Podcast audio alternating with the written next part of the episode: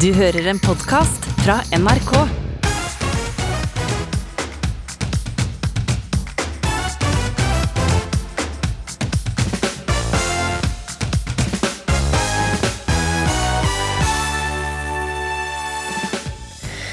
Lasse Lukas ble forfulgt under knivdramaet på Bislett. Nå har han tent lys og skrevet en hilsen til den avdøde. Det er eh, rekordmange single her i landet, deriblant Siv Jensen, som kanskje er åpen for dating igjen. Tinder, er det noe for deg, Siv Jensen? Jeg vet ikke. Eh, vi får se. Så ingen Tinder på telefonen din akkurat nå? Nei. Nei. Bare seier gjelder for Norge i kveld i nest siste steg mot fotball-VM. Norge kan være på vei inn i en ny gullalder, mener fotballekspert Tete Lidbo. Og Britney Spears er endelig fri. Har du tenkt på hvordan du hadde reagert om du plutselig havnet midt oppi en farlig situasjon? Vår eh, neste gjest fikk en eh, dramatisk dag på tirsdag. Han var på vei til legen ved Bislett da han plutselig havnet midt oppi knivdrama. Velkommen hit, eh, Lasse Lukas. Takk skal du ha. Kan du fortelle hvordan du oppdaget at du var i fare? Jeg bor jo på Bislett, skulle innom legen. Uh, gikk av trikken og gikk nedover gata, og så hørte en prate høyt. Sånn type irritert i telefonen uh, høyt. Og så gjentok han disse, denne samme setninga et par ganger. Uh, og så plutselig var han ved siden av meg, og da så jeg barføtt og kniv. Og tenkte vel se rett fram, eller iallfall følge med på han. Så hodet rett fram og, og sånn skråblikk ned for å følge med. Jeg ville ikke se på liksom, torsoen hans. Det skulle nedenfor. Eh, hvis han kom nærmere, skulle jeg pile. Hvor langt unna deg var han? Eh, rundt en meter. Eh, disse koronatider så har vi vel skjønt hva en meter er. Så en, en, en meter eh, unna. Og sånn type jogger sidelengs ved siden av meg. Det går ganske fort. Uh, og hodet går jo inn i uh, rømningsvei. Hvor, hvordan skal jeg løse dette? Så uh, hodet stivt og, og, sideblikk på han, og ser jo da dagligvarebutikken. tenker runde hjørnet og komme deg inn der runde hjørnet. Det er en søppelbøtte som er i veien, og jeg tenker Jeg teller ett og et halvt steg ekstra og tenker eh, det lange. Det er lange steg. Går inn mot dørene på butikken, som er sånn skyvedører. Og når de ikke åpner seg, så tenker jeg at eh, nå dør jeg fordi at jeg er for kort. Eh, så da kommer liksom galgenhumoren inn i og når dørene åpner seg, så hopper jeg egentlig inn. Jeg tar to lange kliv, og så er jeg på rulletrappa, og da snur jeg meg rundt for å se om han følger etter.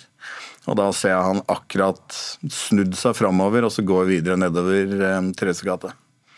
Og da er det bare å, for min del, plukke opp telefonen og bruke den til å ringe politiet.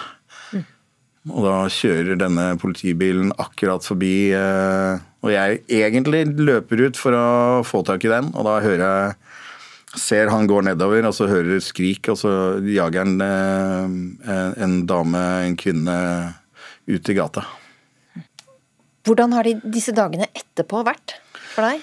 Uh, det har vært det, det, vært litt overraskende. Var vel eh, ganske mye adrenalin ute å uh, gå på tirsdagen. det roa seg etter hvert eh, fikk en liten sånn skjelven når jeg leste i avisen at han hadde vært involvert i noe sånt før. Um, og så ble jeg kontakta av media når jeg leste min sak. Så uh, bobla det ganske bra i uh, kroppen med, med, med, mye følelser. Aldri noe sinne. Det har ikke vært noe som helst sinne i det hele tatt rundt det, vet jo at han, er, uh, han har vært syk. Så det har ikke vært noe sinne. Vi har vært og tent lys utenfor blomsterhandelen der hvor han ble skutt. Vi er også med deg, Jan Ivar Røsberg. Du er professor og psykiater ved Universitetet i Oslo. Det er jo ikke så lenge siden Kongsberg og nå skjer også dette. Hva, hva bør man gjøre når man, hvis man plutselig befinner seg i en sånn farlig situasjon? Ja, det, er jo to skremmende og triste situasjoner som nettopp har skjedd her i Norge nå. Og, og jeg har lyst til å først si at det er, ikke, det er veldig skremmende. og, og ubehagelig opplevelse du har vært igjennom. Det er ikke vanskelig å, å, forstå når du forteller om dette her. Det er forskjellige ting som man kan gjøre, og jeg tenker Lukas forteller akkurat hva som er bra å gjøre. Ja. Så, og han får en oversikt over situasjonen, ser hvordan han skal komme seg unna. Det er jo første regel, som også politiet sier, hvis du opplever noe truende. Og ser etter, etter rømningsveier, samtidig som han holder da fokuset på, på den skremmende personen, den truende personen, for å se, se hva som skjer. Det er å opptre rolig, prøve å være så rolig som man klarer i en sånn situasjon. Det er jo ikke lett, men, men man må prøve det og, og komme seg unna. Og som du hører, Han var også opptatt av at du skal ikke se han i ansiktet, liksom. Er det er det viktig? Ja, det, det, kan det være. Jeg tenker at det er viktig den der nærheten og distansen til, til den som eventuelt er voldende, truende, aggressiv.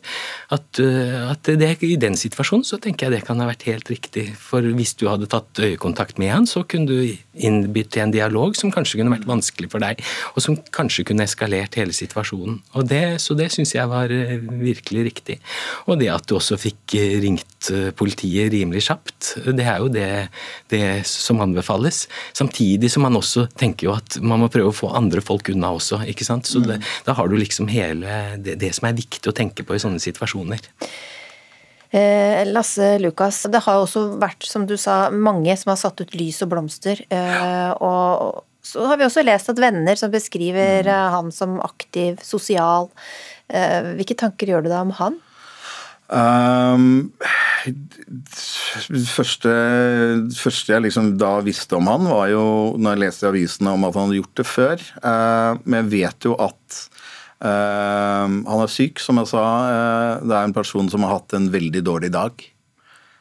Jeg også oppfatter han som Selv om han er truende, så er han Han er ikke ute etter å skade. Fordi hadde, altså, han hadde meg, han kunne gått på ryggen min. Største greia da, har vel vært at eh, det var mye prat om at den første kvelden så skulle ikke jeg være alene. Jeg trengte noen nære. Første kvelden og natta var viktig. Eh, og nå har vi fått vite at han slapp ut på mandagen. Og da går liksom tankene til hvem var der med han, og hvorfor var det ikke noen med han? Hvorfor var det ingen som ringte han på kvelden eller på morgenen? Mm. Eh, så ja, så ja, for hans del, da. Så det er liksom null sinne. Nå er det vel litt sånn utopisk å tenke film, og hadde han vært i live, så kunne man besøkt og sagt. Men eh, lappen som ligger ved lyset, står at eh, jeg tilgir deg, jeg skjønner at du er syk. Um, det er egentlig bare såpass enkelt. Lappen fra deg. Mm. Røsberg, hvis man kjenner noen som eh, sliter på denne måten her, hva kan man gjøre?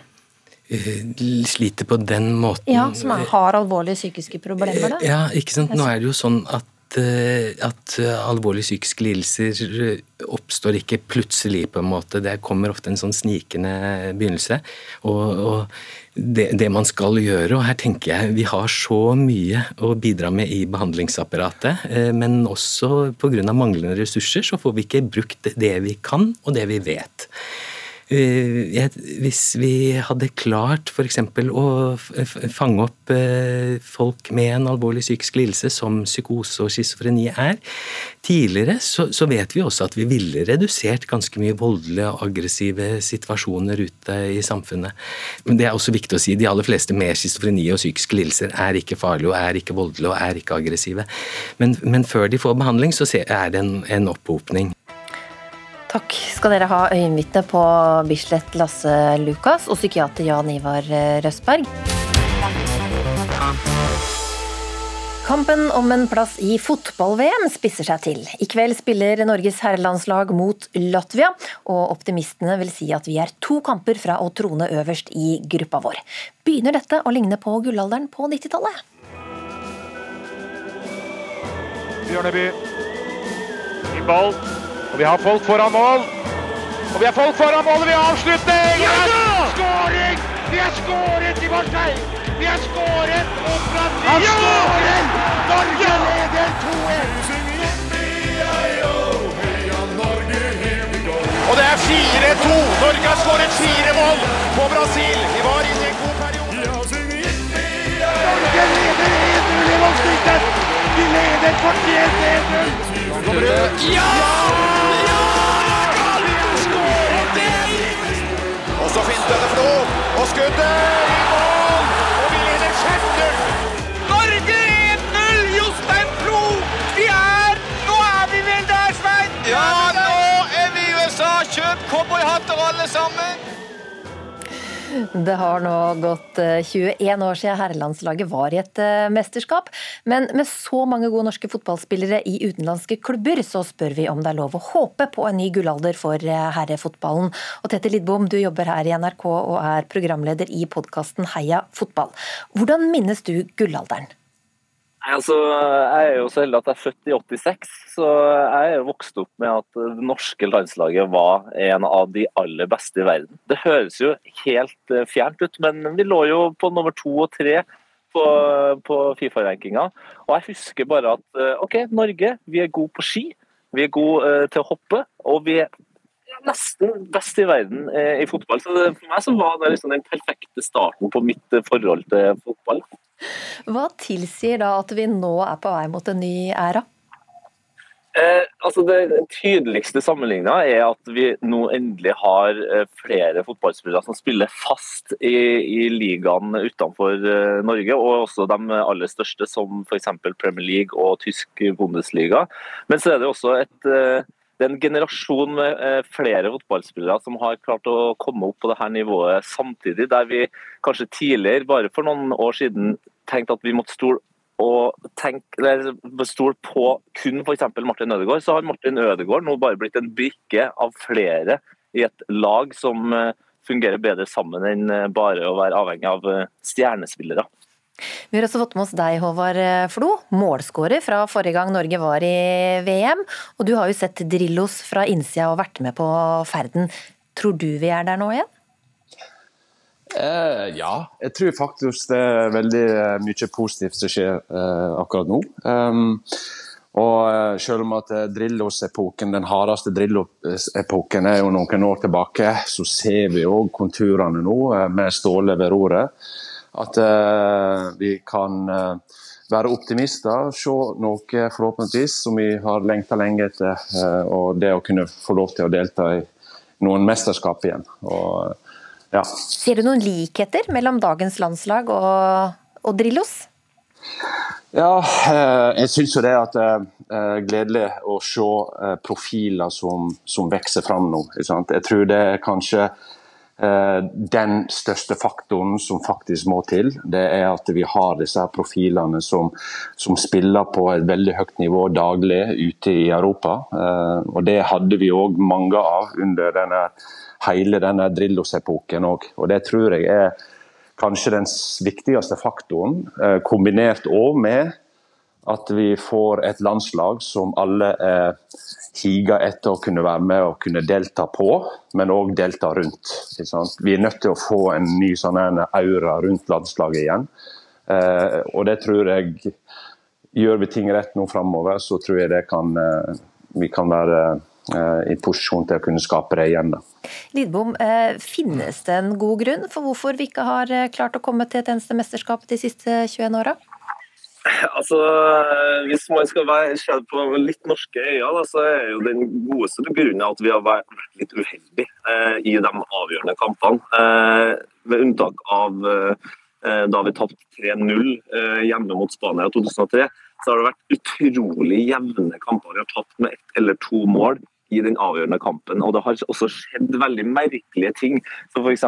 mot Ungarn. da eh, Ungarn har en nesten 40 år gammel keeper med joggebukse som på en måte står sitt livs kamp. Eh, eller mot Tyrkia, da vi har eh, Thomas Myhre, som var en av våre beste menn. Men eh, i mål den dagen så kom det to store tabber. Så vi har vært litt uheldige, men så kan man også i fotball si er man uheldig, ja da har man kanskje vært udyktig og ikke godt nok forberedt. Og kanskje også da spesielt mentalt. Og det syns jeg virker som det laget som Solbakken har bygd opp nå, at det er en litt annen mentalitet som er i og rundt laget. Og ikke minst at vi fansen faktisk nå har litt trua. Så får vi bare håpe at det holder helt inn. Håvard Flo, Ståle Solbakken var jo med den gangen også. Hva slags trenertype er han, og hvorfor kan det være positivt for landslaget? Nei, eh, Ståle er jo en som eh, på en måte utvikler et, eh, et, en gruppe, da, en kultur. Og så er han veldig beinhard med å beskytte den når han først har, har fått den kulturen inn. Så det er litt sånn som Egil òg. Når han når han hadde oss den gang, så var det sånn at vi visste hva vi hadde å forholde oss til vi var veldig tydelige på spill og, og, og spillsystem og, og, de jobbene faktisk som vi måtte utøve for å få lov å spille på laget. Og Der vet vi òg med Ståle, med relativt lang erfaring nå som trener. Han, er, han er, går Det er ingen pardong. Er, du må bare levere. Og, så, så, Ståle er nok sånn eh, Hva skal jeg si? Eh, han har vært med på epoken før. Han vet hvordan det er å være i et landslag som, som på en måte veldig mange elsker å, å, å dyrke og, og, og, kunne være med og delta i. Så, så, jeg tror nå det at han har de største forutsetningene for at han kan være med og, og ta dette fram igjen. I dag spiller altså Norge mot uh, Latvia på hjemmebane med masse publikum uh, som uh, ser på. Hvis vi vinner både i dag og på tirsdag mot Nederland, så er vi i VM. Har du trua denne gangen, Didbom? jeg har veldig, veldig trua. Men jeg må innrømme at det er en kamp jeg gruer meg mer til enn den andre, og det er ikke Nederland. fordi det, er, det har vært så typisk Norge å forkludre det mot Latvia nå. Men vinner vi den kampen, så, og, så skal vi møte Nederland i en ekte gruppefinale. Og, og Da kjenner jeg at da spiller det egentlig ikke noen rolle om vi kommer videre til VM eller ikke. For altså Den stemninga vi kan få da i hele Norge, når Norge skal møte Nederland borte, og kanskje til og med vinne gruppa vår, den uh, håper jeg får uh, oppleve. For da, da er det ikke så trist de siste 21 årene som det har vært. Hva tenker du for noe? Jeg, eh, jeg, deler det synet. Det blir veldig spennende. Vi har en definitivt en god mulighet. Eh, og igjen da, så er det litt sånn paralleller med Drillos og det landslaget vi har nå. Eh, vi vet jo alle at Erling Braut ikke er tilgjengelig for kanskje disse kampene nå. Men allikevel så har vi folk bak. Vi har en Sørloth som er giftig nå. Og, og, igjen så er det jo litt sånn tilbake igjen til landslaget og den, den tid at vi hadde typene, vi hadde profilene som vi visste kunne som ville levere. Og Jeg har veldig tro på at vi kan òg eh, levere eh, i Rotterdam hvis vi gjør jobben i dag, eh, som alle håper på. Vi krysser fingrene for at det i hvert fall går veien i kveld. Er du en av dem som eh, fortsatt eh, nyter å kunne gå i joggebukse og slippe reisen til jobb fordi du innimellom har hjemmekontor, da er du nok ikke aleine. Mange har nemlig fortsatt å ha hjemmekontor, selv etter at samfunnet åpnet opp igjen. Men hva har det egentlig gjort med arbeidslivet, og hvor går veien videre? Trine Larsen, du er eh, konsulent i Hammer og Hamburg. Velkommen til ukeslutt. Takk. Hvem er det som jobber hjemme nå, og hvem vil helst være på kontoret? Og vet du, Det er så varierende. Og det er det som er så spennende. Noen vil bare være hjemme, noen vil bare være på kontoret, og noen vil ha fleksibiliteten. Så det her er et tema veldig mye i jobben min. Når Jeg rekrutterer folk, forskjellige bedrifter, det er forskjellige ønsker, behov. Man ser på problemstillinger og ikke minst løsninger veldig forskjellig nå. Er det forskjell på generasjoner f.eks.? Ja, veldig, og det syns jeg er interessant. For vi har en stor gruppe yngre, altså de talentfulle, smarte hodene, de er helt sjokkerte over sånne 50-åringer som meg, som bare vil sitte på dette hjemmekontoret eller på hytta og kose meg, det går så fint, og kan ta meg en padletur i lunsjen, gå tur med bikkja kan jeg gjøre. Og så sitter disse her som har så lyst til å lære av kollegaene sine på kontoret. Og mange av dem bor i små leiligheter midt i byen.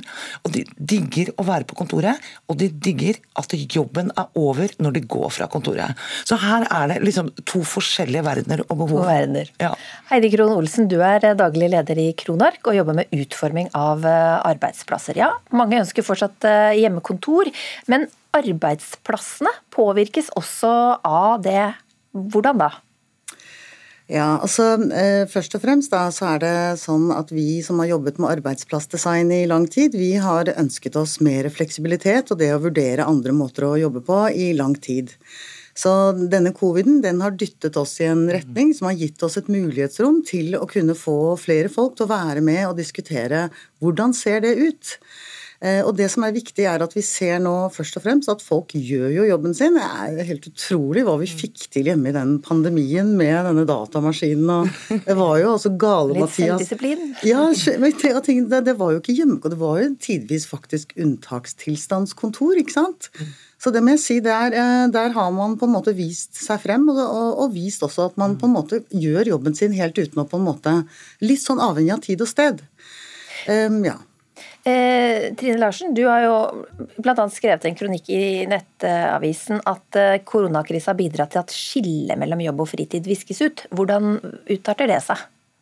Nei, men det er mange som syns det er problematisk nå. Og mange er slitne, for de jobber hele døgnet. Eller noen jobber da, noen jobber da.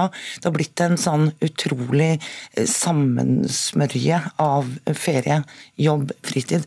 Og det er liksom normene og lovverket henger ikke med, da. For vi mennesker er jo ikke sånn at vi alltid er mest produktive mellom åtte og fire, og så må vi legges på lading fem uker på sommeren. Liksom. Sånn som arbeidsmiljøloven er lagt opp til.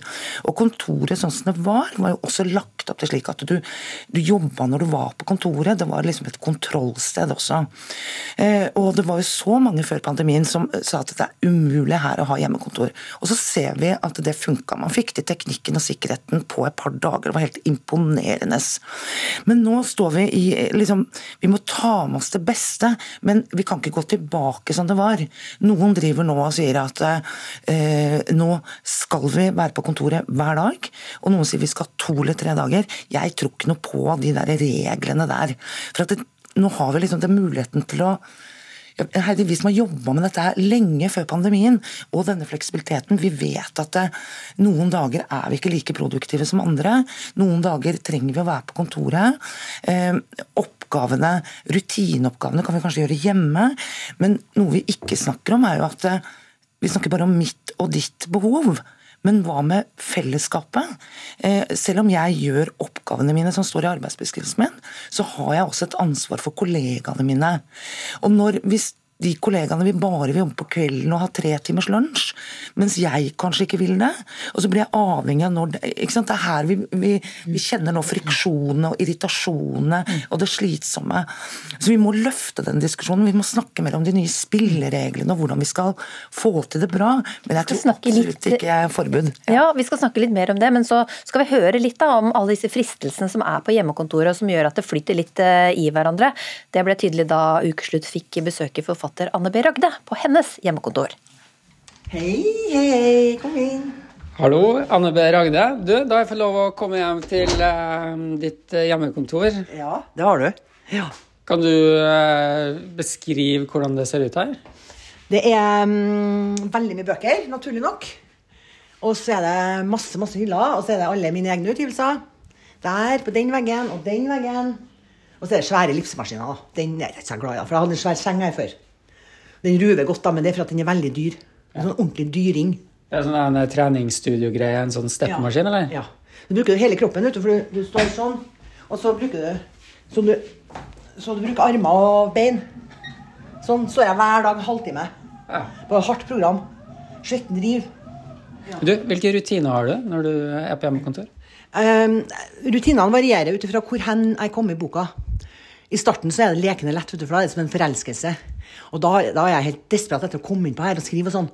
Men når du leng lenger er ute jeg kommer, sånn der med midten og sånn, så blir det til en arbeidsgiver. Og da må jeg begynne å ha klare regler for når jeg skal skrive, og når jeg skal fri. For jeg kan ikke skrive 24 timer i døgnet. Det går ikke. Det er en sånn eh, STAMI-undersøkelse noen som har gjort på hjemmekontor og alkohol. Og det sier det at de som har 15 timer hjemmekontor, eller to dager i uka hjemmekontor, de drikker litt mer alkohol enn andre. Ikke veldig mye, men litt. Har du noe forhold til alkohol og hjemmekontor? Eh, Jeg har forhold til alkohol og jeg har forhold til hjemmekontor, men ikke sånn blanding, nei. Når jeg skriver, eh, så drikker jeg veldig lite når jeg begynner å nærme meg det der hvor boka er arbeidsgiver. For da, da leter jeg etter unnskyldninger hele tida for å slippe å skrive den dagen. Og da nytter det ikke å begynne å drikke, vet du. Da, og det er ganske kjedelig, altså. For at jeg ikke drikker og ikke leser. Jeg leser jo tre romaner i uka vanligvis. jeg. Men når jeg skriver, så leser jeg ikke noe annet enn eh, lyrikk. Litt lyrikk. Og ikke drikke og ikke lese. Da er det bare å peise på jobb, altså. Det er ikke annet å gjøre, da. Hva er ditt beste tips for et godt hjemmekontor? Ha disiplin og ta fri når du skal ha fri.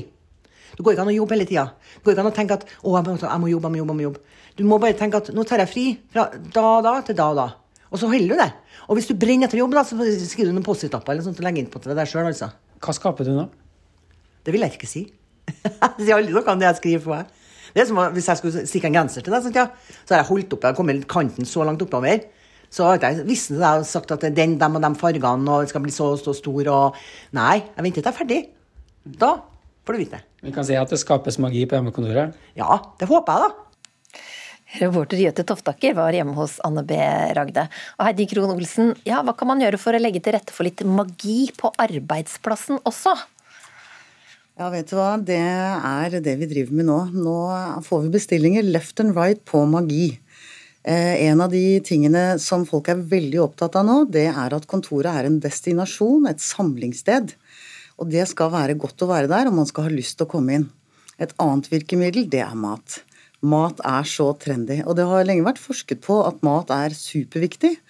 Men eh, nå er det også kortreist, og det er liksom kokker, og det er egne bakerier, og det er Ja. Det, det, det er det, det nye kontoret nå fremover kommer til å være mye mer tilfredsstillende estetisk sett, da, eller med interiørarkitektur som virkemiddel, enn før. Ja, hvordan da? Er det sånn at liksom den kosen vi har hatt på hjemmekontoret, den vil vi ha på arbeidsplassen nå? Har det noe Ja, vet du hva, det, når du sier det, så er det når folk, folk ringer jo og spør kan du hjelpe oss, hva skal vi gjøre? Og da sier jeg at det eneste vi vet, det er at vi ikke vet. Men vi vet at folk ønsker økt fleksibilitet, og da må vi sammen nå i tiden fremover jobbe sammen med de beste modellene for de ulike bedriftene. Men kontoret er på ingen måte dødt. Bare sånn dere vet det.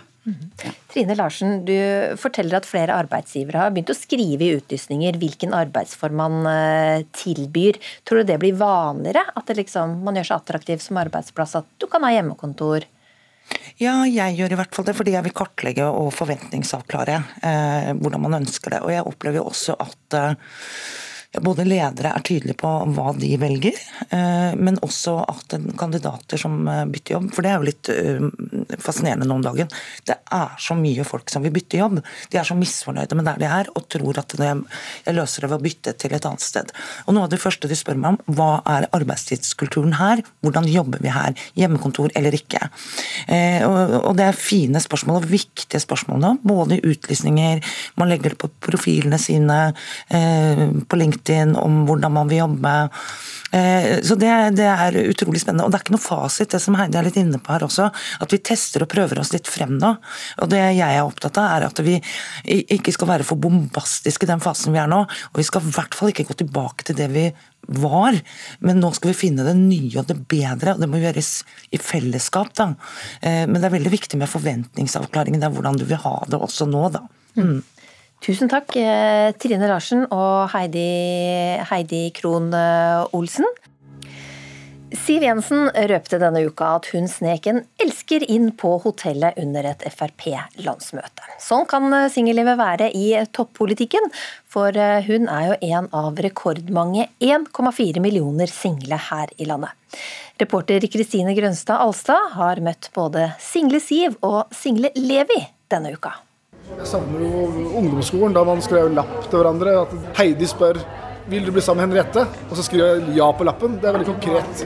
Levi er 38 år, bor i Oslo og jobber i barnehage. Han er også ufrivillig singel, Jeg er veldig flink til å finne opplevelser og skape opplevelser. Konserter eller kulturelle ting. da.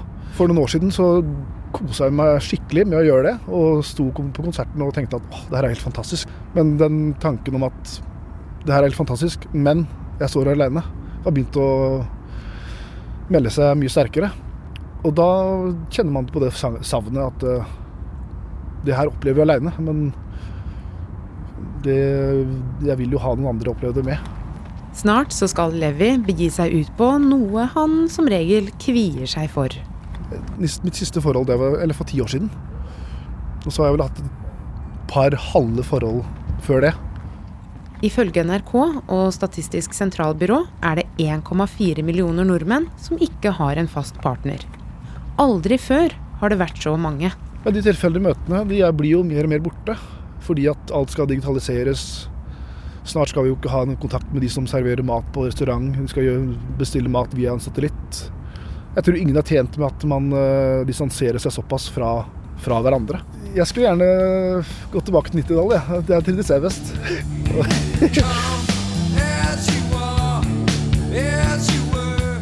Det er kveld i Oslo.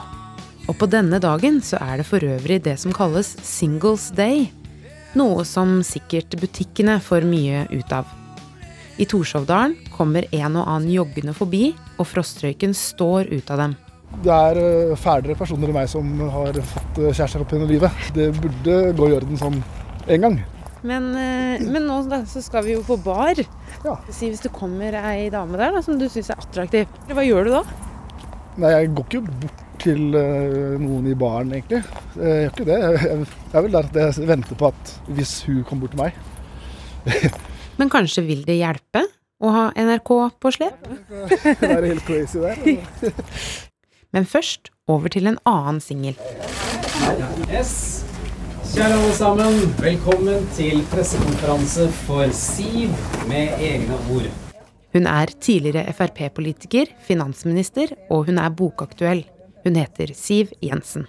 Det har jo ikke vært like lett kanskje da, å skulle bjuda på å gå på date med hele liksom, Norges oppmerksomhet eh, over deg. Hun har for alvor lagt politikken på hylla, men så får hun singelstatistikken presentert. Det det veldig fort koker ned til i samfunnsdebatten, er jo liksom hvordan skal man Hvordan påvirker det boligbyggingen fremover? Hvordan bør det påvirke skatte- og avgiftspolitikken? Man bruker jo mindre vann i en enpersonhusholdning enn i en, en storfamilie. Men man betaler jo på en måte de samme avgiftene. Er det rettferdig? Kjærlighetslivet til Siv Jensen er noe pressen har vært opptatt av. Men nå gir hun sin egen versjon i sin ferske selvbiografi. Jeg skrudde nok igjen her i radaren. Altså, den, jeg skrudde den av en del år. Eh, men som jeg også skriver i boka nå, jeg har prøvd å skru den på igjen. Så får vi se. Tinder, er det noe for deg, Siv Jensen? Jeg vet ikke. Eh, vi får se. Så ingen Tinder på telefonen din akkurat nå? Nei. Nei. Hallo. Hallo. Han er eh, flink på å finne på ting. Tina er Levis gode venninne. Han er snill og morsom og har jo liksom alt, alt det som skal til, føler jeg. De snakker stadig om den kompliserte kjærligheten, også i dag på en bar på Grünerløkka. Du har jo kanskje ikke gått sånn liksom, aktivt inn for å finne deg en kjæreste. Så. Nei, jeg har gjort ingenting, eller lite, lite eller ingenting. Nei, så Sånn sett er det kanskje ikke så rart heller. Ifølge statistikken er hver femte mann i aldersgruppen mellom 30 til 44 år uten fast partner og uten barn. Levi er i denne gruppen. Du har jo en Tinder. Skal vi ta en titt på den? Mm. Hvis du ikke vet helt hva Tinder er, så er det en datingapp hvor du kan legge ut bilder og beskrivelse av deg sjøl. Når du finner andre som du syns virker interessante, har du to valg. Å trykke hjerte eller et kryss. Eller så kan du såkalt sveipe til høyre eller til venstre. Det er fint bilde. Ja, smiler der. Der, der er i barnehagen. Har akkurat uh er det sånn prosjekter. Her har jeg en sånn kunstig sånn plastikkblomst som jeg spraya i farger jeg liker. Og så står det sånne mm, ting under. Det står 'turgåing', 'reising' og 'hundeelsker'. Ja. Her spiser jeg snø i Slovenia. Ganske blid fyr. Prater når du vil, er stille når jeg vil. Levi leser opp hva du står på sin Tinder-profil. Vil ha noen å se film på Cinemateket med, dele konserter og lage pannekaker med. Er ikke flink til å selge meg i app-verden. Det er heller ikke en verden jeg vil være i, men jeg er der. Og mens Tina og Levi snakker, lyser det fra telefonen hans. Nå skjedde det noe på Tinder, hva var det? Du har én like, se hvem som liker deg, sier de. Å ja, Ellen på 35, som er i Paris, ser det ut som. Med en sykkel. Ja, det var en, der var en hund, ja. Nå må du ta et valg. Om det blir hjerte, eller om det blir et kryss. Eller, ja, finne ut hva jeg skal si. Ja. Ja, jeg, jeg tar pause, pauseknappen. Den der. Eh, Hvis du skulle dratt på date da, med f.eks. Ellen, 35, hva er det du ville gjort da? Eh, Forhåpentlig så håper jeg så kanskje hun skriver at hun er glad i å gå på tur Etter. I hvert fall første gangen. Andre gangen, tredje gangen. Kanskje dra på en konsert, noe kulturelt, sånn som jeg liker å gjøre. Uh, skal på Mozart nå snart. Ja, det er egentlig nesten alt mulig. Ja. Kult. Ja, men da kanskje det blir eh, Ellen som blir med på motorcycle? Ja, kan, kan, kan lage sak om det etter hvert. hvis Jeg kan, jeg kan ringe det. Ja, da må du jammen meg ringe meg, så blir det oppfølging, altså. Kan det kanskje utvikle seg til noe mellom Levi og Ellen? Og hvis ikke, kanskje noen av Ukeslutts lyttere har lyst til å ta kontakt? I går kveld ble popartisten Britney Spears endelig fri etter 14 år under vergemål. I deserve to have the same rights as anybody does. I just want my life back, and it's been 13 years, and it's enough.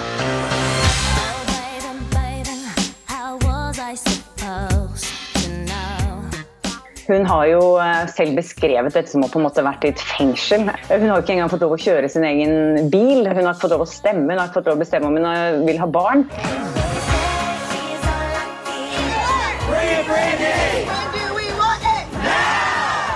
Nå på onsdag skal hun sjøl vitne i rettssaker om det. Faren til eh, Britney Spears blir eh, midlertidig fjernet som eh, popstjernens verge. so happy for Britney. Although Britney free, and that was always our main. Not only did she shine a light on this conservatorship, but she shined a light on conservatorships from California to New York.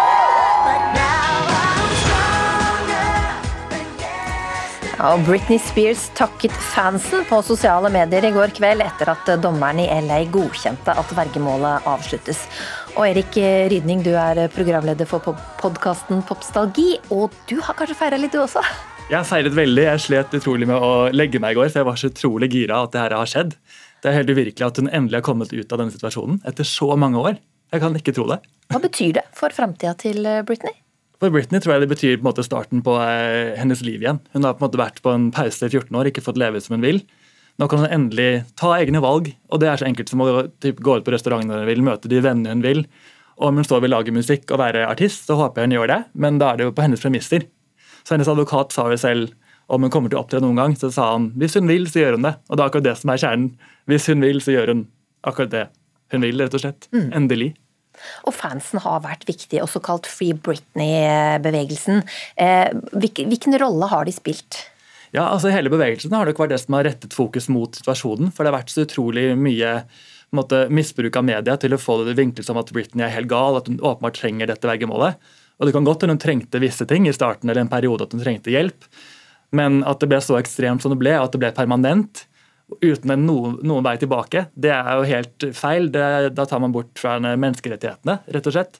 Så Det er det som er greia. altså Fansen har bare gravd opp alle mulige bevis og blitt egentlig latterliggjort i mange mange år. Jeg har hatt mange tøffe diskusjoner selv hvor jeg har prøvd å si sånn Ja, men se på dette her, se på dette her. Men det har vært så vanskelig fordi alt har vært liksom visstnok. Man har ikke hatt sikre kilder. for ingen, Hun sa jo ingenting før da i juni, når hun snakket ut selv. og Det er da hele den skiftet kom. Da begynte man å se alvoret i det. Mm. Fordi fansen de har jo tolket hvert minste lille rare Britney-innlegg på sosiale medier. Mm. For de har jo vært litt rare, de innleggene der. Eh, hvordan vil du si hun har framstått da, ja, etter juni og etter at ting begynte å skje? Ja, det har vært veldig mye diskusjon om det har blitt hennes egen Instagram da eller ikke, eller om hun sier den selv. Jeg tror hun har i hvert fall fått mye mer makt. For det har vært veldig rett, altså, fokuserte innlegg mot familien, hvor hun sier navnet til mor, navnet til faren, sier at faren min er ikke smart nok til å finne på dette, det var moren min som sto bak, og sier navnet på sin business manager, som har visstnok svindlende for masse penger. Så jeg tenker, Hvis noen andre har gjort det, så skjønner jeg ikke vinningen. Så det må jo være hun som står bak nå. Gå ut og takke fansen har hun gjort. Så er, jeg føler at nå er hun endelig litt bak rattet igjen. Mm. Bokstavelig talt. Hun har fått bilnøklene sine, og forhåpentligvis sin egen Instagram tilbake også. Og hva vil du si blir viktig framover nå, å få svar på? Eh, nå begynner på en måte neste kapittel. da. 'Justice for Britney' er den nye hashtagen, så vi er ikke ferdig ennå. blir aldri ferdig. Eh, fordi det har jo vært, det har vært så å si nesten 14 år hvor hun har vært fanget. Så det er mye som skal ta et oppgjør, tas et oppgjør med. Mange som fortjener å få eh, konsekvenser. De som har altså, levd så godt på hennes penger så lenge og brukt barna til å true henne til å gjøre ting de vil for å tjene mer penger. Det er ganske grusomt. Så nå har advokaten hennes begynt en hard kamp. Han sa jo allerede i rettssaken i går at det handler ikke om om de har svindlet henne, det handler bare om hvor mye penger det er. Så Han jobber med å få dokumentene, men de stritter jo så hardt imot det som de bare kan. Så det er veldig spennende. Men tror du at det blir mer musikk fra Britney? Oh, jeg har så lyst til å si altså jeg, Ja, jeg tror det, men det kan godt hende bare min evige optimisme som en gal fan. Jeg, og jeg vet jo at hun har masse sanger liggende som hun aldri har fått slippe, som hun har skrevet selv, som handler mye mer om altså personlige ting. da. Så jeg håper virkelig at hun velger å gi ut musikk, om det så blir på en, på en måte lavere skala, ikke turné og alt det der. Bare gi ut den musikken hun vil som en sånn terapi. Det er min drøm, og det håper jeg kan hjelpe henne også. Du, Tusen takk, eh, Erik Rynning fra podkasten Popstalgi. Gratulerer, du videre, Ido. Nå er vi tilbake med ti nye artister som alle har ett mål for øyet gå helt til topps i den tiende sesongen av Stjernekamp.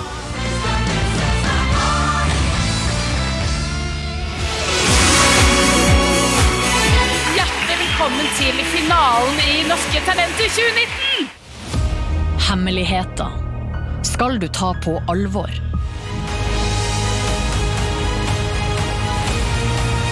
Velkommen til Maskorama.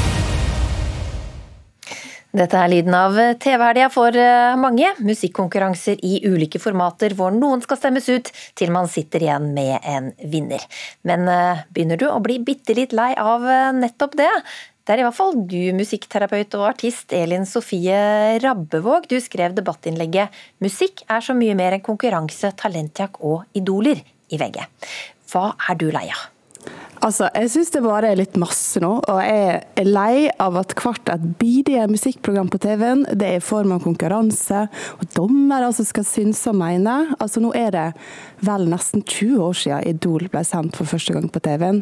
Men da var Idol det eneste av sitt slag. Men nå, jeg syns det har gått inflasjon i disse konseptene. Det er for masse, og jeg savner noe i tillegg, da, et program som kan gå litt i dybda. Ikke bare gjøre musikk til konkurranse og show-underholdning for musikk det rommer så masse mer enn det. Altså Det å få ta del i prosessene og livet på godt og vondt, og hvordan musikk kan hjelpe, og hva den kan bety for folk i hverdagen. Inspirere, inspirere seerne, da. Eh, det hadde vært bra TV. Og som du sa, så er jeg musikkterapeut og artist, og jeg treffer mennesker ukentlig gjennom jobben min som musikkterapeut, som beskriver musikken som selve oksygenet i livet livet, noe de ikke klarer seg uten. De, de lever underfor for musikk og skriver de nydeligste låtene. Ikke med mål for å liksom, bli kjendis eller slå gjennom eller skrive en hit. Og, nei, det er så masse musikkglede og ekthet. Og jeg savner sånt på TV. Få vekk disse konkurransene. De kan være der, men, men noe i tillegg. Ja. så har vi med oss en som eh, mange forbinder da, med denne starten på gullæraen av norske musikkonkurranser på TV, nemlig tidligere Idol-dommer Jan Fredrik eh, Karlsen. Er du mett på TV-sendte musikkonkurranser? Riktig god lørdag til dere begge to, og til alle som hører på. Takk i like måte. Altså, jeg, eh, min inngang til dette er at jeg er ikke så glad i det derre Kall det at det må være mot noen. Altså at disse programmene engasjerer publikum med musikk som engasjerer hjerte og følelser og engasjement, som er fantastisk. Og så er det Elin savner, er veldig flott for veldig mange, og som helt sikkert kommer til å dukke opp TV-konsepter som vil fange den dybden Elin er på jakt etter. Jeg bare mm. føler ikke at det er nødvendig å dra det ene ned for å få det andre opp det lever i beste velgående, og at vi som jobber med musikk, lever av musikk og er engasjert for musikken, så er dette programmer som skaper et engasjement for et stort publikum. Og så handler det om på en måte å ta den muligheten til å bringe annen type musikk frem. Andre elementer, nye artister. Og hvis du ser hva f.eks. Eh, Stjernekamp har gjort for Det er ganske mange som har vært med Stjernekamp som ikke man nødvendigvis i det brede lag av publikum har visst om var en artist engang. Og så har man oppdaget noe nytt. Og det er jo på en måte spennende, det er gøy, og det engasjerer. Ja, Rabbevåg?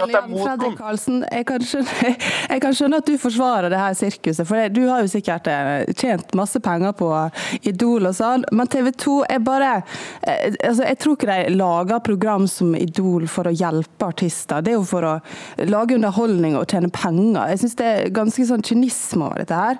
Ja, det, Um, men Elin, det må du få lov å mene. Ja. Min hverdag, mitt, min arbeidshverdag siden jeg var 13 år gammel, har vært å jobbe med artister, bære utstyr for artister, jobbe med Ja. musikk for at jeg elsker musikk. Jeg Ja. har forvaltet utallige musikkarrierer gjennom min profesjonelle, mitt yrke, og det er en sann glede. Det er hardt arbeid, og at man da skal bruke som et motiv, som du gjør nå, for å snakke negativt, at jeg lykkes i jobben min. Jeg er stolt over å lykkes Ja, med da, det- jeg jobber det var ikke for å snakke med. Jeg ned. så- de er, og de er flinke, de er dyktige, de engasjerer et stort publikum, og du har ingen rett til å dra det ned. Du skal respektere min Ja, jeg respekterer, jeg respekterer, jeg respekterer Ja, la Rabbevåg få svare her. Altså, for min del så kan alle disse her programmene få lov til å være der, men eh, jeg savner noe i tillegg. Altså Selv om et program har masse høye seertall og det engasjerer, som du sier, så betyr jo ikke det nødvendigvis at det er bra TV. Altså, Mange ser jo på Paradise Hotel og Ex on the Beach, men jeg vil ikke si at det er sånn kvalitets-TV. Eh, Jeg tenker at, jeg tenker at sånn reality-program kan bli litt sånn avhengighetsskapende, altså i negativ forstand. Litt sånn som Facebook og Snapchat. Altså, vi sjekker mobilen 150 ganger per dag, og selv om mange kan henge seg på en trend og like reality, da, om jeg kan få lov å si det på den måten, så, så det betyr jo ikke at, det, at vi, vi har godt av det, eller at det er bra. da. Ja, Karlsen, er det egentlig musikken som er i fokus i disse programmene? Det er jo en kombinasjon, selvfølgelig, men jeg vil jo si på de programmene som dere brukte som introduksjon her, så vil jeg jo aller høyeste grad si at det er ekstremt mye musikk i disse programmene.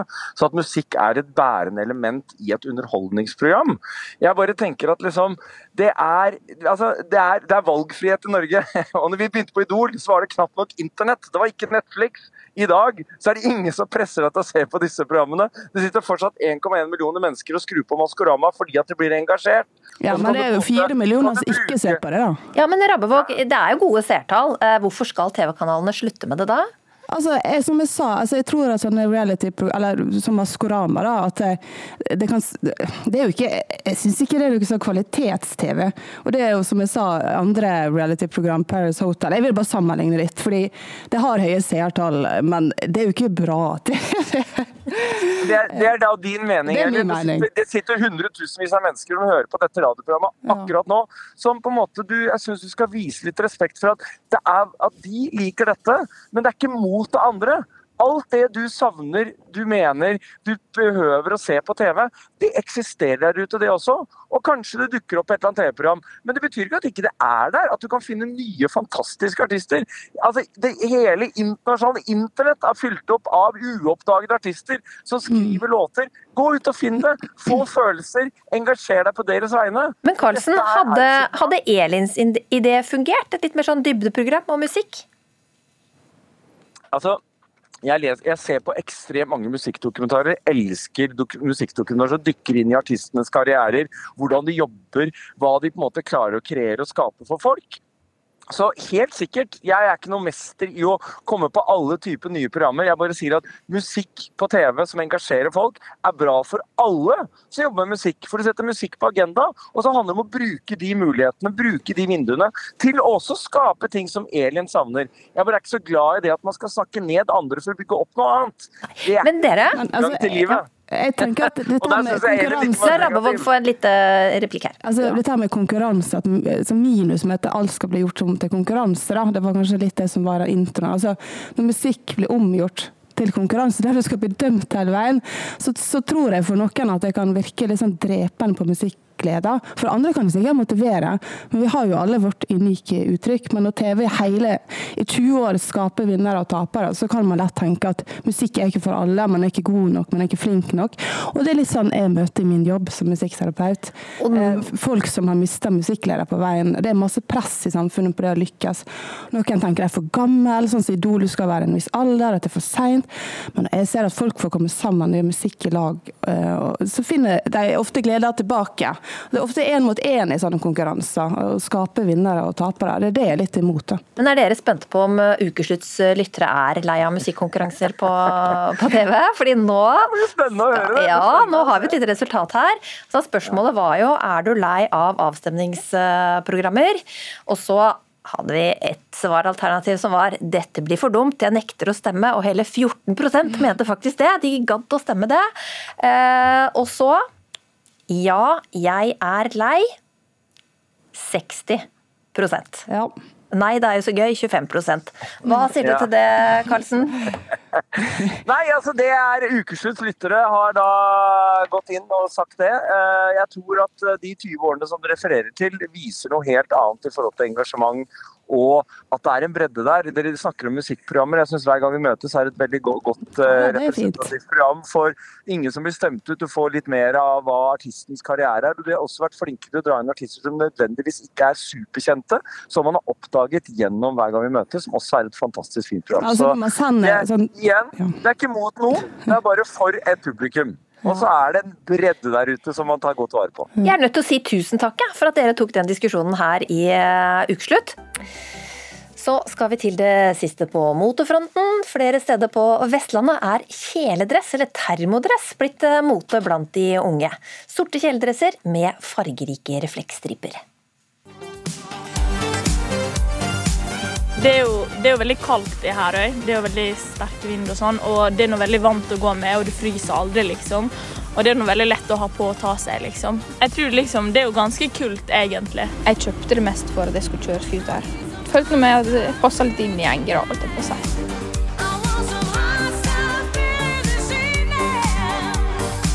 Hun drar ikke på shopping til Ålesund kledd slik. Jeg hadde sikkert turt det, men jeg har ikke turt å gå inn på Moa med den, liksom.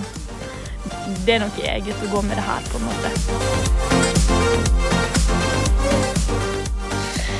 Ja, tida hvor eh, foreldre bekymrer seg over at ungdommen skal fryse i tynne moteplagg, kan synes å være over.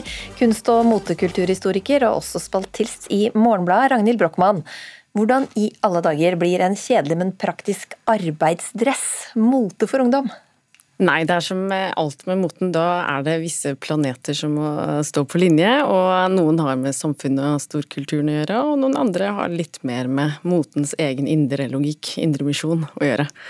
Eh, Og på den ene siden så kan vi jo si at nå har det jo vært lenge en mote som er såkalt kjønnsnøytral, som i prinsipp betyr at den er maskulin og ikke feminin. Altså det er lite blomstrete kjoler og mer og mer silhuetter som er ja, lite trange, lite orientert rundt å fremheve klassiske seksuelle soner. Pupper, rumper, midjer, lår osv. En silhuett som er stor, litt eh, formløs, vil noen kanskje mene, som er praktisk, som er avslappa, og som går mot en retning som ikke bare er kjønnsnøytral, men også praktisk, som har med trenden med store joggesko, som vi har sett lenge, som nettopp ikke er high fashion-orientert i betydningen høye hæler og eh, små miniskjørt og ting som glitrer og er spennende, men som tar det ned, og som aktivt gjør det for å flagge både at det er en politisk aktivisme på gang som er sant, rundt det kjønnsnøytrale, rundt åpenhet for at kvinner og menn, gutter og jenter kan kle seg likt. Og dessuten så er det jo også vært en stor interesse for arbeidsklær med en revitalisering av f.eks. merker som Carhartt, som har vært veldig viktig igjen. Men kunne du tenkt deg å gå til sånn dress? Nei, altså jeg kunne det hvis jeg hadde vært den eneste som gjorde det, for jeg er selvfølgelig veldig opptatt av å ikke gjøre det andre gjør, ikke sant. Så hvis jeg var den eneste, så kanskje, og det hadde en funksjon nettopp å holde meg varm, som jeg er glad i. Eh, og så tenker jeg at eh, i Oslo så for eksempel, så vil du jo se ting som ligner på den måten at eh, hvis du går til en kunsthøgskole eksempel, så vil du finne det da ikke så mye som er bare en, en kjønnsnøytral handling, men som en tydelig antimote, og en antimot som også har med 90-tallet å gjøre. Noe som er litt styggpent, noe som er mot det andre, og ikke minst som helt klassisk, som veldig mye subkultur, går i retning av arbeiderklasseestetikk. Og det handler jo også om at når folk blir voksne, så har de gjerne på seg noe ordentlig og skikkelig og smykker og klokker. og det som er seriøst. Eh, De har ikke lenger på seg kjeledresser. Eh, Så det er en klassisk subkulturell vending. Både kjenner fra, fra grønsjer f.eks., som gikk til tømmerskogen og henta deres eh, skjorter. Og det er helt klassisk å gjøre det foreldrene dine ikke gjør. Mm. Eller i hvert fall ikke de, dine egne foreldre, om det er andre som det er fisker og håndverker. Det er noe helt annet, og det er spennende. Og ikke minst, det tror det har noe med barn og barndom å gjøre. Å gå i noe som er trygt og varmt, og som bare har med å være eh, ung så lenge som man kan. Og dessuten sikkert også med korona, tenker jeg. En tid hvor man nettopp fra barnehagen. eh, ja, en tid hvor vi har vært mer ute, mindre inne, pynta oss mindre, og kanskje fått en ny følelse av at fy fader, det er så logisk å bare være varm. Eh, og refleks, herregud, det er så bra. Jeg blir sett, jeg slipper tyn fra kjørelærer og mor og far og de på skolen. Så her, tror jeg det, her er det også noen, noen praktiske grunner som plutselig har dukket opp som relevant, og som har en slags sånn motkulturell komponent, og det tror jeg føles litt pirrende. Mm. Og så, vi ble selvfølgelig frista til å gå og høre med de som vanligvis bruker eh, kjeledress, og reporter Gunhild Viken hun tok seg en tur til noen arbeidsplasser hvor kjeledress er arbeidsantrekket, for å høre hva de synes om å ha siste mote som arbeidsantrekk. Det kan jeg egentlig ikke skjønne hvorfor det skal bli en trend, for det det er et ukomfortabelt øh, plagg. Og jeg liker det ikke. Så når du går hjem fra jobb, så Der er av med arbeidstøy med en gang. Hva har du på deg når du skal være komfortabel på fritida? Olabukse. Du går jo med gul eh, kjeledress eh, på jobb hver dag. Hva, hva syns du om at det er blitt en trend blant unge? Jeg syns det er veldig trendy, da. Jeg vet ikke hva jeg helt syns, for å være helt ærlig. Ville du gått eh, ut på byen med det du går i nå på jobb? Nei, jeg foretrekker å gå med vanlige klær som jeg pleier å gjøre i hverdagen, utenom de jobbklærne jeg har på i dag. Jeg foretrekker å gå i vanlig tøy. Ville du gått med det du har på deg nå, altså kjeledress på fritida? Ja, nei, jeg tror ikke det. Hvorfor ikke? Nei, jeg bruker det, det, de klærne på jobb, så jeg får uh, lov til å la være å bruke det på fritida òg. Not so pretty, you know. Kanskje ikke hele døgnet i, i kjeledress, men vi hørte også tidligere her eh, en av ungdommene si at det var jo ikke aktuelt å ha på seg arbeidsdress i byen. Tror du det er en forskjell her på bygd og by? Ja, det tror jeg det har alltid vært, og kommer nok, for, håper jeg, inderlig alltid til å være. Men jeg bare lyst til å kommentere en veldig interessant ting med dette, dette innslaget, og det sier alt om hva som er eh, å, å gjøre noe som føles litt subkulturelt og litt motkulturelt. Det er jo bare hvis du velger det sjøl, da har det opplegg for å være mote. Er det noe du må, så er det ikke bare ubehagelig, det er kjedelig og helt latterlig å ha på seg ellers. ikke sant? Så alle trenger jo å vise det som en motreaksjon av noe man har funnet på sjøl. Eh, og så tenker jeg at disse ungdommene føler nok fortsatt at det er noe veldig spennende også fordi at det er lokalt. Det er deres gjeng, og de kan jo nesten med rette hevde at i en veldig internasjonal TikTokende, Instagrammende verden, hvor alle fra Sør-Korea til Herøy liksom har på seg det samme og danser de samme dansene, så er det jo veldig, veldig eksotisk å ha en slags liten kultur. Og de kaller det bunad, som vi nordmenn gjerne gjør når noen er liksom ekstra bra Hva et slags kvalitetsstempel. Eh, At de har det for seg sjøl. Og så tror jeg at når de kommer inn til eh, metropolen Ålesund, så er det klart at der er det andre jenter og gutter som vil se på dem. Og disse er jo? Jeg tror at de er litt sånn ambivalente på hvorvidt de selv mener at det er mote eller ikke. Eh, Og det handler jo om at, eh, at de er heller ikke trygge på om det bare er en gjenggreie som er kul for dem, eller, og om det har oversetningsverdi til Ålesøy og Ålesund-ungdommen som vil ha andre parametere, muligens. Så de er ikke klare ennå for å møte dommen fra det metropole storsamfunnet, tror jeg. Men du, tusen takk Ragnhild Brochmann for at du gjorde oss eh, litt klokere på det her. Da Bjørn Tomren for to uker siden vant Stjernekamp, gjorde han det med jodling i finalen.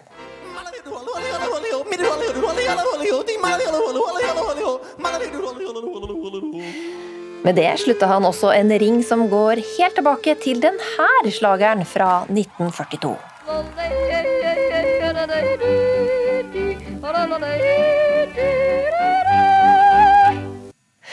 Reporter Vebjørn Svendsen Espeland har gravd fram historien om forbindelsen mellom Bjørn Tommelen og ei norsk barnestjerne fra krigen, som det tok lang tid før Stjernekamp-vinneren selv ble klar over. Bjørn Tomren var 15-16 år da han først hørte norsk jodling. På radio på ferga mellom Molde og Vestnes. Fra høgtalerne på ferja strømma et over 50 år gammelt opptak. Jeg er fra Romsdalen, Norges Tirol. Kanskje slutte å flire, da. Fordi det var Jeg syns det var så komisk, hele uttrykket. Sangen handla om Tomrens eie Romsdalen, altså Norges Tyrol. Og den skulle etter hvert bli Stjernekampvinnerens signaturlåt. Så ble jeg litt fascinert samtidig, for det var jo på en måte Jeg hadde nesten aldri hørt musikk fra vår region før. Stemma tilhørte den tolv år gamle barnestjerna Odd Pedersen. Han blei plukka opp av slagerkongen Jens Bukk-Jensen i 1942, midt under krigen. Her forteller barnestjerna sjøl i et intervju fra 1990. Bukk-Jensen kom på en turné opp der, og han var i Molde. Og så fikk jeg prøvesynge for ham. Da gikk jo det bra, og så ble jeg med da på denne turneen. Jodlegutten fikk litt skule på hotellrommet. Han hadde 38 opptredener rundt omkring i det okkuperte Norge, og det toppa seg i Oslo. Bukk-Jensen arrangerte i går kveld stor kabaretforestilling på Sankthanshaugen, og godt og vel 10 000 mennesker hadde funnet veien dit. På uh, turneen sin hadde Bukk-Jensen oppdaget en liten jodlergutt, Odd Pedersen fra Vestnes i Romsdalen. Vi fikk høve til å høre et par sanger av ham, og vi har ikke tidligere hørt en som tilnærmelsesvis har kunnet jodle som han. En elsker livet bak plogen og hest, ute ved fjorden i vest. Plateinnspillinga blei en kjempehit, men barnestjerna han tjente ikke penger på den.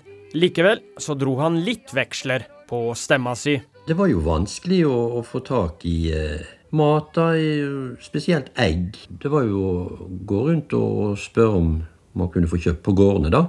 Og når vi, var, vi kom til steder og sånt, så, så sang jeg og jodlet litt, og egg ble det ut av det. Så vi hadde mye egg med oss hjem igjen. Etter krigen så slutta det såkalte vesle tyrolerfenomenet med jodling, og han dro til sjøs. Bortsett fra noen nostalgiske etterlysninger i avisene, så var han mest glemt. Helt fram til Bjørn Tomren og Kleine Heine dukka opp på TV for ti år sia. I dag skal vi ta en låt som var umåtelig populær blant ungdommen i 1942. 1942? Den heter for 'Jeg er fra Romsdalen, Norges Tyrol'.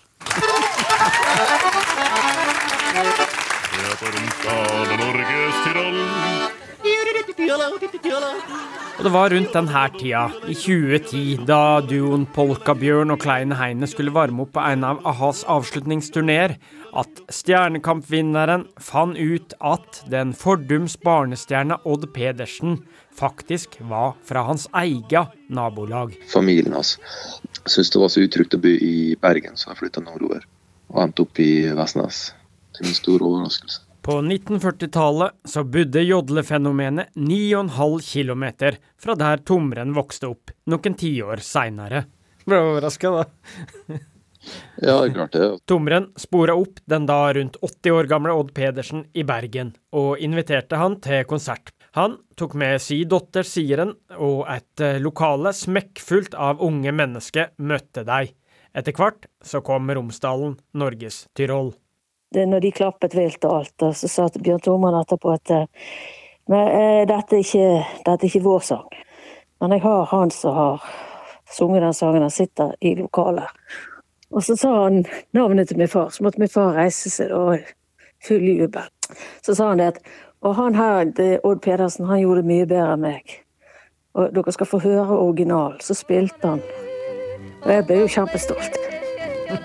Jeg synes det var Ja, jeg får sånn klump i halsen når jeg snakker om det. da. Det unge jodlefenomenet Odd Pedersen døde i 2015. Da var vi gjennom eh, to timer med nyheter, fotball og jodling. Ansvarlig for eh, Ukeslutt i dag var Filip Johannesborg.